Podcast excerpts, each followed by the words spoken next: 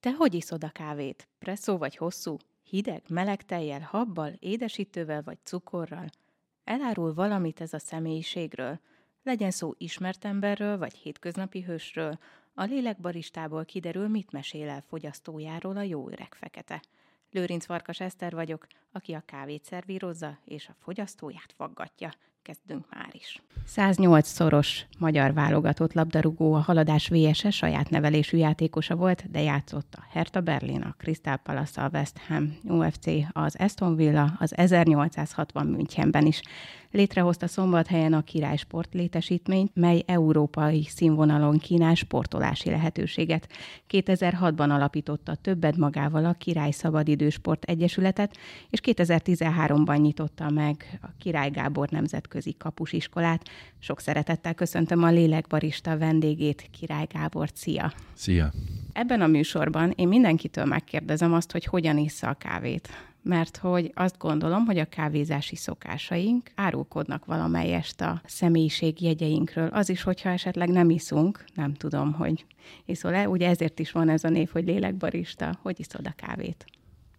32 éves koromig nem ittam kávét, és Leverkusenban volt egy olyan csapattársam, akit úgy hívnak, hogy Angelo Haristas, ő a görög 2004-es Európa-bajnokság győztes csapatának a, a csapatkapitány és a gólszerzője, és Harival nagyon jó kapcsolatban voltunk, és az edzések után mindig mondta, hogy meghívlak egy kávéra, hát mondom, én nem kávézok, és mondja, akkor egy ilyen cappuccinót, az egy könnyebb kávéfajta, mondtam jó, és onnantól kezdve viszont én is fogyasztok napi szinten cappuccinót, laktózmentes tejjel, tehát én igazából így iszom délelőtt és délután, de valamikor esetleg valamelyik kimarad, az sem probléma, de én is tudok ezzel a kultúrával élni. Egyébként így pont tegnap gondolkodtam előre, hogy vajon mi lesz a válasz, és két lehetőség fordult meg a fejembe, hogy vagy azt fogod mondani, hogy én nem kávézok, vagy azt, hogy presszót iszok.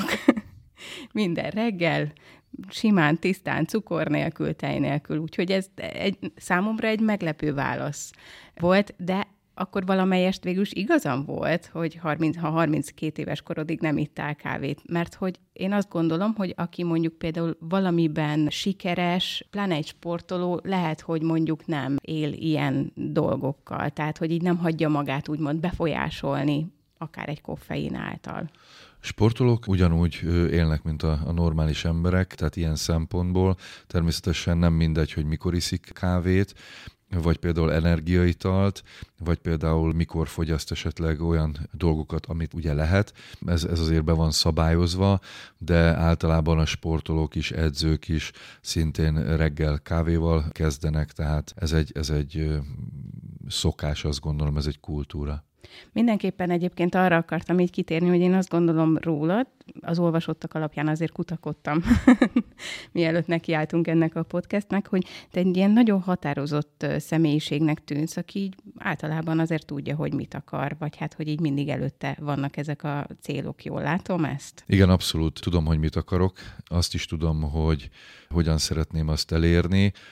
Nagyon sokszor elérem, nagyon sokszor nem de mindig küzdök azért, hogy, hogy a célokat elérjem, meg vagyok győződve arról, hogy nagyon sokat kell tanulnom, de a tanulás mellett azt gondolom, hogy, hogy kellenek a határozott célok, határozott utak. Az egész pályafutásom így épült fel, az egész életem így épül fel, és miért változtatnék a futball utáni életemen is, a felfogás miatt, hiszen ha a sikereket így értem el ilyen felfogásban, akkor miért kéne nekem bármit is másképp gondolnom. Természetesen a civil élet az másabb, meg kell tanulni, én meg akarom tanulni, tehát én nem azt mondom, hogy én mindent tudok, hanem ez nekem egy új terület.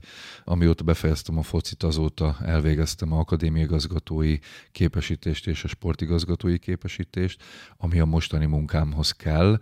Ez nem azt jelenti, hogy én tökéletes vagyok ebben, de tökéletes akarok lenni teszek érte, tanulok, és járok olyan konferenciákra, előadásokra, ahol magamba tudom szívni azokat a tudásokat, amiket be tudok építeni a munkába, de ugyanígy külföldön is megfordulok, tehát nem restelem az időt és a energiát arra, hogy dolgozzak.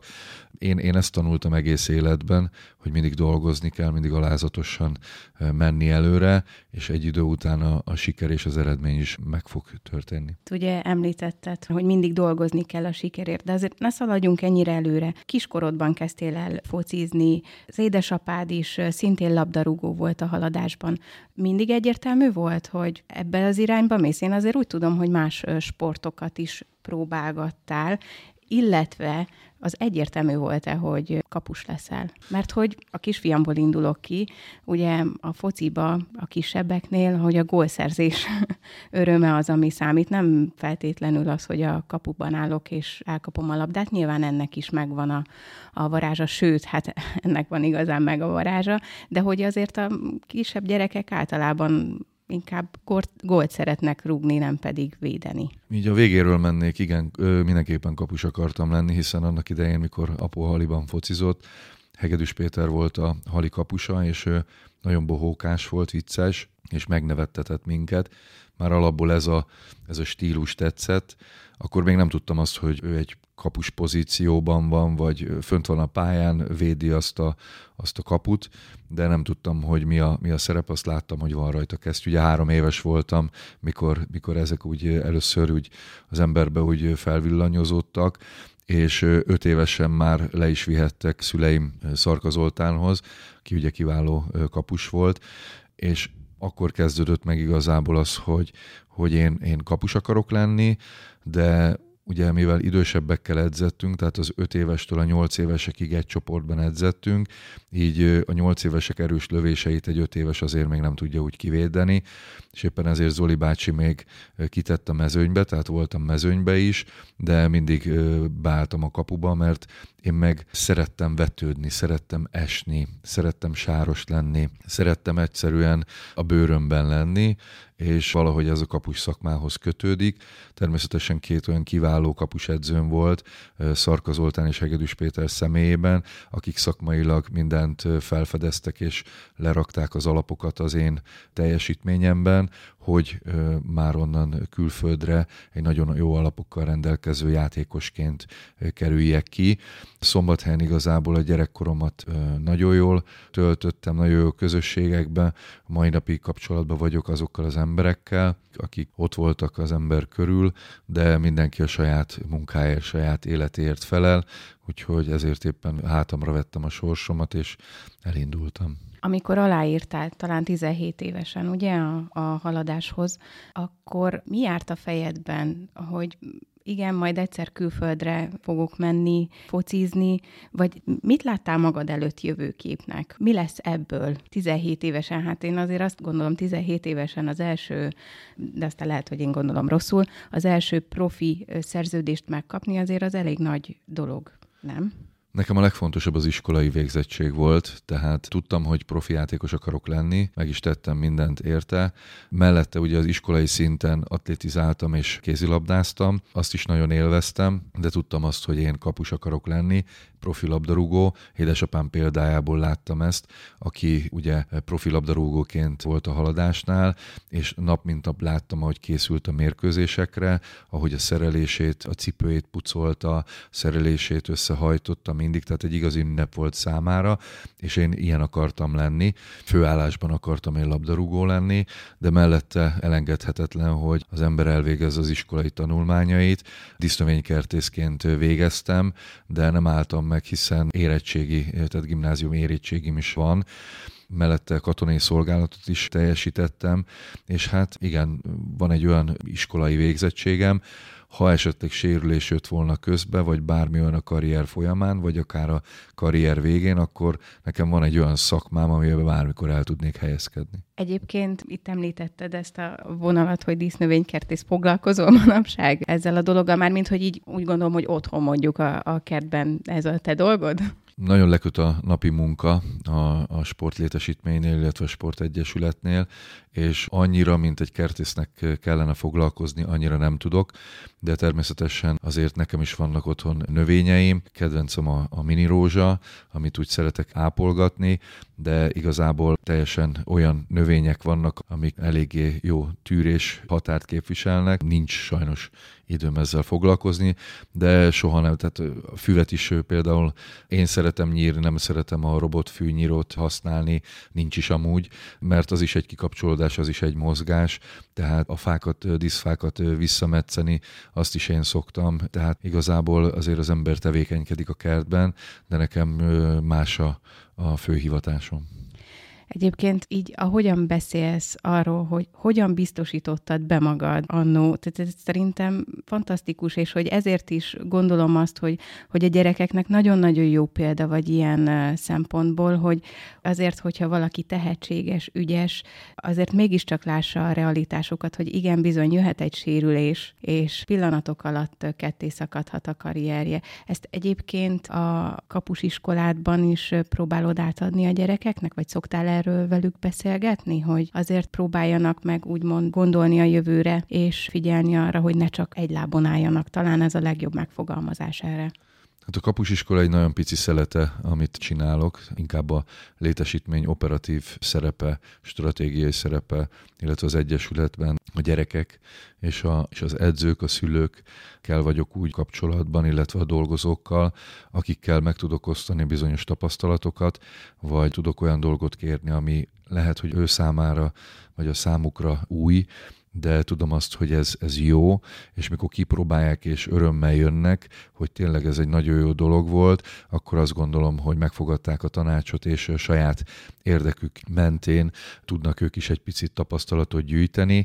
Ez a, ez a küldetésem valamilyen szempontból, ugye 18 évet voltam külföldön, külföldön éltem, én nem csak turistaként mentem külföldre, hanem én napi szinten ott éltem, ott jártam boltba, és azért vannak ugyanolyan szürke napok, mint, mint bárhol máshol, vannak ugyanolyan napos oldalai, árnyékos oldalai mindennek, csak más kultúrába. És ha más kultúrában szocializálódsz, akkor más perspektívából is látod a dolgokat, amiket mondjuk lehet, hogy egy beszűkült gondolkodású nem feltétlenül lát, ő neki ki kell nyitni a, a szemüket, aki hajlandó erre, ugye nem mindenki hajlandó, azok, azok megteszik, és látják azt, hogy ezzel is többek tudnak lenni.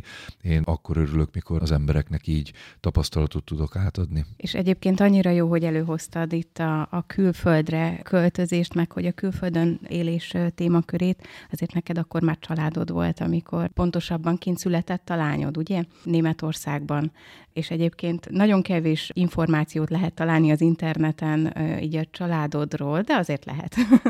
Úgyhogy most ebből próbálok egy kicsit építkezni, hogy például a lányod is, ha jól olvastam, négy nyelven beszél. Ez így van? Bólogatsz, ugye? Hogy...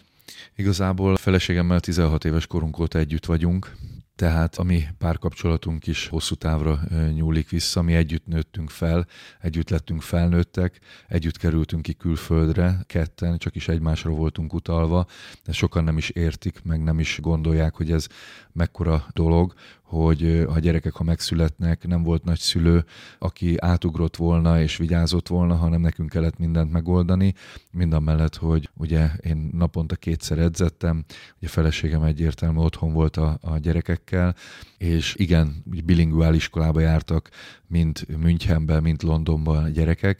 Ez azt jelenti ugye, hogy több tannyelvű iskola, angol-német, és a magyart pedig mi tanítottuk nekik otthon. Feleségem mindig nyáron vett munkafizetet, magyar munkafizetet a gyerekeknek az életkornak megfelelően, és gyerekek kint, akár Münchenben vagy Londonban töltögették szépen az itthoni anyagokat, hiszen azért Angliában, Németországban ugye ott a német-angol történelmet tanulják, nem a magyart, és arra, hogy tudjuk azt, hogy a, a magyar történelemben milyen fontos események voltak, ahhoz a magyar tankönyvek is kellenek, és mi így oldottuk meg, úgyhogy feleségem természetesen erre is koncentrált és fókuszált, úgyhogy a mi kapcsolatunk eléggé szoros, és a gyerekeknek emellett ugye az iskolába, mivel bilinguál iskolába jártak, ott alap volt az angol-német, mellette ugye spanyol és franciát tanultak, ugyanúgy, ahogy mi annak idején mondjuk egy oroszt tanultunk, tehát olyan szinten, de ugye anyanyelvi szinten beszélik ezt a három nyelvet, úgyhogy érvényesülnek a világba. Lányom most Vécsi Egyetemre jár pszichológia szakra, elvégezte már az alapot, most a masterra jár. Fiam, aki három évvel fiatalabb lányomnál, ő pedig szintén sportoló akar lenni, elhivatott, ezért jó valamilyen szempontból a gondolkodásuk is, mert van cél, amit el akarnak érni, és nem baj, ha akadályba ütköznek, hiszen tudják, hogy hova akarnak elérni, és ők, ők nem rettennek vissza bizonyos akadályoktól, vagy bizonyos olyan gátaktól, amiket esetleg nem tudnának átugrani, úgyhogy türelmesek dolgoznak mindenféle szempontból, és tudják, hogy mit akarnak az élettől. Köszönöm, hogy ezt elmondtad egyébként, és ennyire nem is akartam előre szaladni. Pontosan erre szerettem volna rávilágítani, vagy rákérdezni, hogy azért itt volt például egy váltás Németország és Anglia között. Ez a családi egységet hogyan borította meg, hogyan viselte a családod azt, hogy akkor össze kell pakolni, át kell költözni egy másik országba, azért ez nem lehetett egy egyszerű történet. Aki futbalista, sok mindenről lemond az életben, de a futballal sok minden dolog jár, ami természetes, és feleségemmel már korábban is átbeszéltük ezeket a dolgokat. Én soha nem akartam kirángatni a, a megszokott komfortzónából a, a családot, de ez volt a szakmám. Ez a szakmám, és ezt így lehet csak csinálni.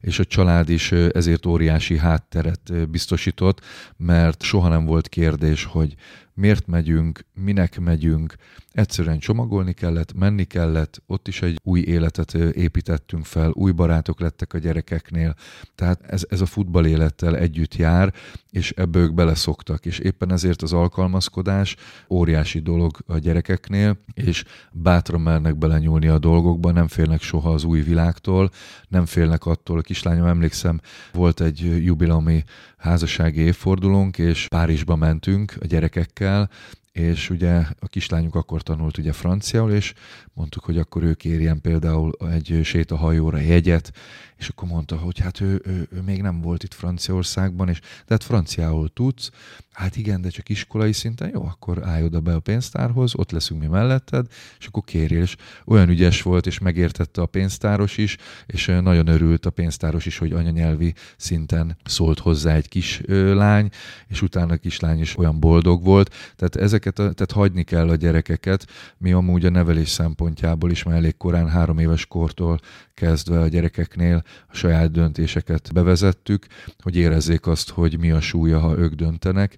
Egyértelmű még gyereknél gyerekes dolgok, hogy most lemegyünk vagy fagyizni, vagy a játszótérre, és akkor kettő együtt mondjuk nem ment, és akkor a gyerek eldöntötte, hogy most aznap neki mi a, a, a jó, és nem változtatott rajta, tehát a, a nevelésbe is mi próbáltunk így céltudatosak lenni, előre látva azt, hogy felnőtt korban nekünk ne legyen annyi gond a, a gyerekkel való élet, élet, hogy így mondjam, hogy a gyereket még mindig segíteni kell, még mindig segíteni, úgyhogy éppen ezért a gyerekek nálunk már nagyon fiatalon önállóak tudnak lenni. Ez nem azt jelenti, hogy útnak mennek a világba, hanem egyszerűen bátran tudnak élni a, a közegben, ahol, ahol éppen vannak. Azt most ugye elmondtad, egyébként ha fogok nevelési podcastet indítani, biztos, hogy be foglak hívni, és erről még fogunk beszélgetni. Azt említetted, hogy igen, a család tudomásul vette, hogy csomagolni kell, menni kell. Téged ezek a váltások, mert hát azért mégis egy csapatot hagytál ott. Ezek hogy érintettek? Biztos azt fogod mondani, hogy igen, ez a, a, a feladatom, ezt kell csinálni, de hát azért gondolom valamilyen szinten azért ezek fájó búcsúk voltak. Sohasem volt fájó, hiszen amit, amit ott a kluboknál tettem, én azt teljes szívemből tettem, nem volt semmi hiányérzetem, és bármikor az ex-klubjaimhoz, bármikor visszamehetek nyugodt szívvel, hiszen én ott rengeteget játszottam, védtem, úgyhogy ezek soha nem voltak olyan törések az életembe, inkább mindig a tanulás és a következő lépcsőfok, ami fontos volt. Úgyhogy azt gondolom, hogy az általános iskolában is, ha kimaradunk, ott is följebb kell menni, és ha többet akarunk elérni, akkor még többet kell tanulni. Ez az élet minden területén így van, a sportban is így van, hogy minél több területet megismerni, és nekem szerencsére megadatott ez. És felolvasnék egy nyilatkozatodat, ami azt gondolom, hogy egyébként viszonylag jól árulkodik rólad. Aztán kíváncsi vagyok, hogy egyébként emlékszel-e erre, hogy egyszer ezt mondtad. A külsőségek nekünk fiatalabb korunkban sem voltak különösebben fontosak. Ha el kell jutnom A-ból B-be, inkább biciklire pattanok, nem megyek autóval csak azért, mert megtehetem. Ugyanígy nem veszek nagyobb házat és menőbb kocsit. Én nem ezektől a dolgoktól érzem magam többnek és jobbnak. Ezt nyilatkoztad ugye még korábban. Mi kell ahhoz, és ez érdekelne főként, egy az, hogy tartod-e még ezt a nyilatkozatodat, illetve hogy, hogy a mai napig így gondolod-e, és hogy ilyen sikerek után, mert hát azért sok mindent letettél az asztalra. Hogy lehet megőrizni azt, hogy két lábbal álljon még mindig valaki a földön, és nem szálljon el? És soha nem felejtettem el, hogy honnan indultam. Ugye a szülői neveltetés nagyon fontos volt számomra. Ott ezeket az alapokat megkaptam, az értékrendeket megkaptam. Onnantól kezdve meg rajtam múlott, hogy a világban hogy élek ezzel soha nem a külsőségekre adok, mert a belső emberi értékek sokkal fontosabbak. Természetesen, ha van egy megjelenés, ki kell öltözni, akkor az ember természetesen kiöltözik, vagy például, ha hosszú távra megy autóval, vagy utazik, akkor nem éppen a, a Mini Cooperral fogok nekiállni, szenvedni az úton, hiszen a biztonság szintén azért fontos, tehát de soha nem lépem túl azokat a dolgokat. Egy két hónappal ezelőtt volt talán, hogy ismét felvetettem, vagy ismét felhoztam a, a fiamnak, mentünk haza ketten, és ugye nekem a futballban az volt a célom, hogy egy, egy saját házat tudjak összefocizni, illetve legyen egy saját autóm. Természetesen az ember már túllépte ezeket a határokat, de a mai napig becsülöm azt a házat, azt az autót, amiért én megdolgoztam, és nem megszokásból megyek be abba a házba, hanem igenis az volt az én álmom, a vágyam, és a mai napig is úgy értékelem, hogy én azért az első, első szinten megdolgoztam, és, és ne legyen ez szokványos. Külföldön megtanultam például azt is, hogy ha megdicsérnek, azt meg kell köszönni. Tehát magyarok mi nem köszönjük meg, ha valamit megdicsérünk, mert azt gondoljuk, hogy az természetes. Nem, meg kell köszönni, akár egy hölgy, ha csinosan van felöltözve, igenis köszönje meg, mert valószínű, hogy sokat tett azért, tehát vagy, vagy bármilyen teljesítmény, vagy bármilyen olyan munka, akár egy autószerelőnek egy, egy napi rutin munkát, ha megköszönünk, igenis vegye úgy, hogy, hogy, hogy én hálás vagyok neki, tehát ezek, ezek mind olyan dolgok, hogy ne legyen szokványos az, hogy itt élünk egymás mellett, hanem, hanem mindennek van értéke, és ugye én, én nekem ez nagyon idegen, hogy főleg itt többször említetted, hogy én, én milyen vagyok, meg hogy milyen gondolkodású, és én meg mindig azzal küzdök, hogy ha én ezt meg tudtam csinálni, más miért ne tudná? Más miért nem tudja? És valahogy ez nem is az én feladatom, de én mindenbe így megyek bele, hogy ha én megcsináltam azt, hogy 18 éven keresztül külföldön tudtam lenni, védtem a Bundesligába, védtem a, a Premier Ligába, a magyar válogatottba, akkor ha olyan szimpla dolog, akkor ezt mindenki meg tudná csinálni.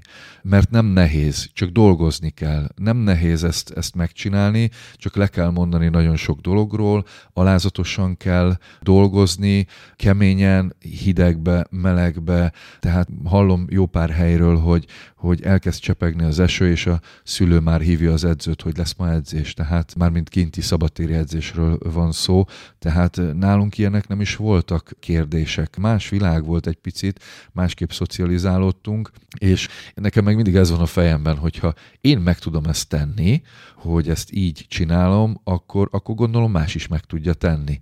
Tehát nekem ez nem furcsa, nekem ez, ez szokványos, erre azért akarok visszareflektálni, mert amit mondasz, az számomra természetes. Mi van most egyébként veled? Ahogy kiveszem a szavaidból, mindig van valami, ami munkálkodsz, dolgozol. Azért azt látjuk, hogy szépen épül, szépül kis létesítményed, de gondolom, hogy vannak tervek, nem állsz meg. Mit lehet most tudni? Ugye most lett 20 éves a sportlétesítmény, tehát nem mostani az egész gondolkodás vagy gondolat, és amit 20 éve elterveztem, az valamilyen szinten kezd így realizálódni. Soha nem tudtam, hogy hogy fogok erre a szintre eljutni, de azt tudtam, hogy mit akarok, és ez is azt mutatja, hogy ha beleteszem a saját tőkét, a saját munkát, akkor egy idő után valakinek felkelti a figyelmét, és valaki ezt támogatni fogja, és pont így alakult ez az egész, és ugye, mint mondtam, 2003-ban kezdtük ezt el, tehát akkor teljesen más helyzet volt, mint Magyarországon, mint Európa szerte,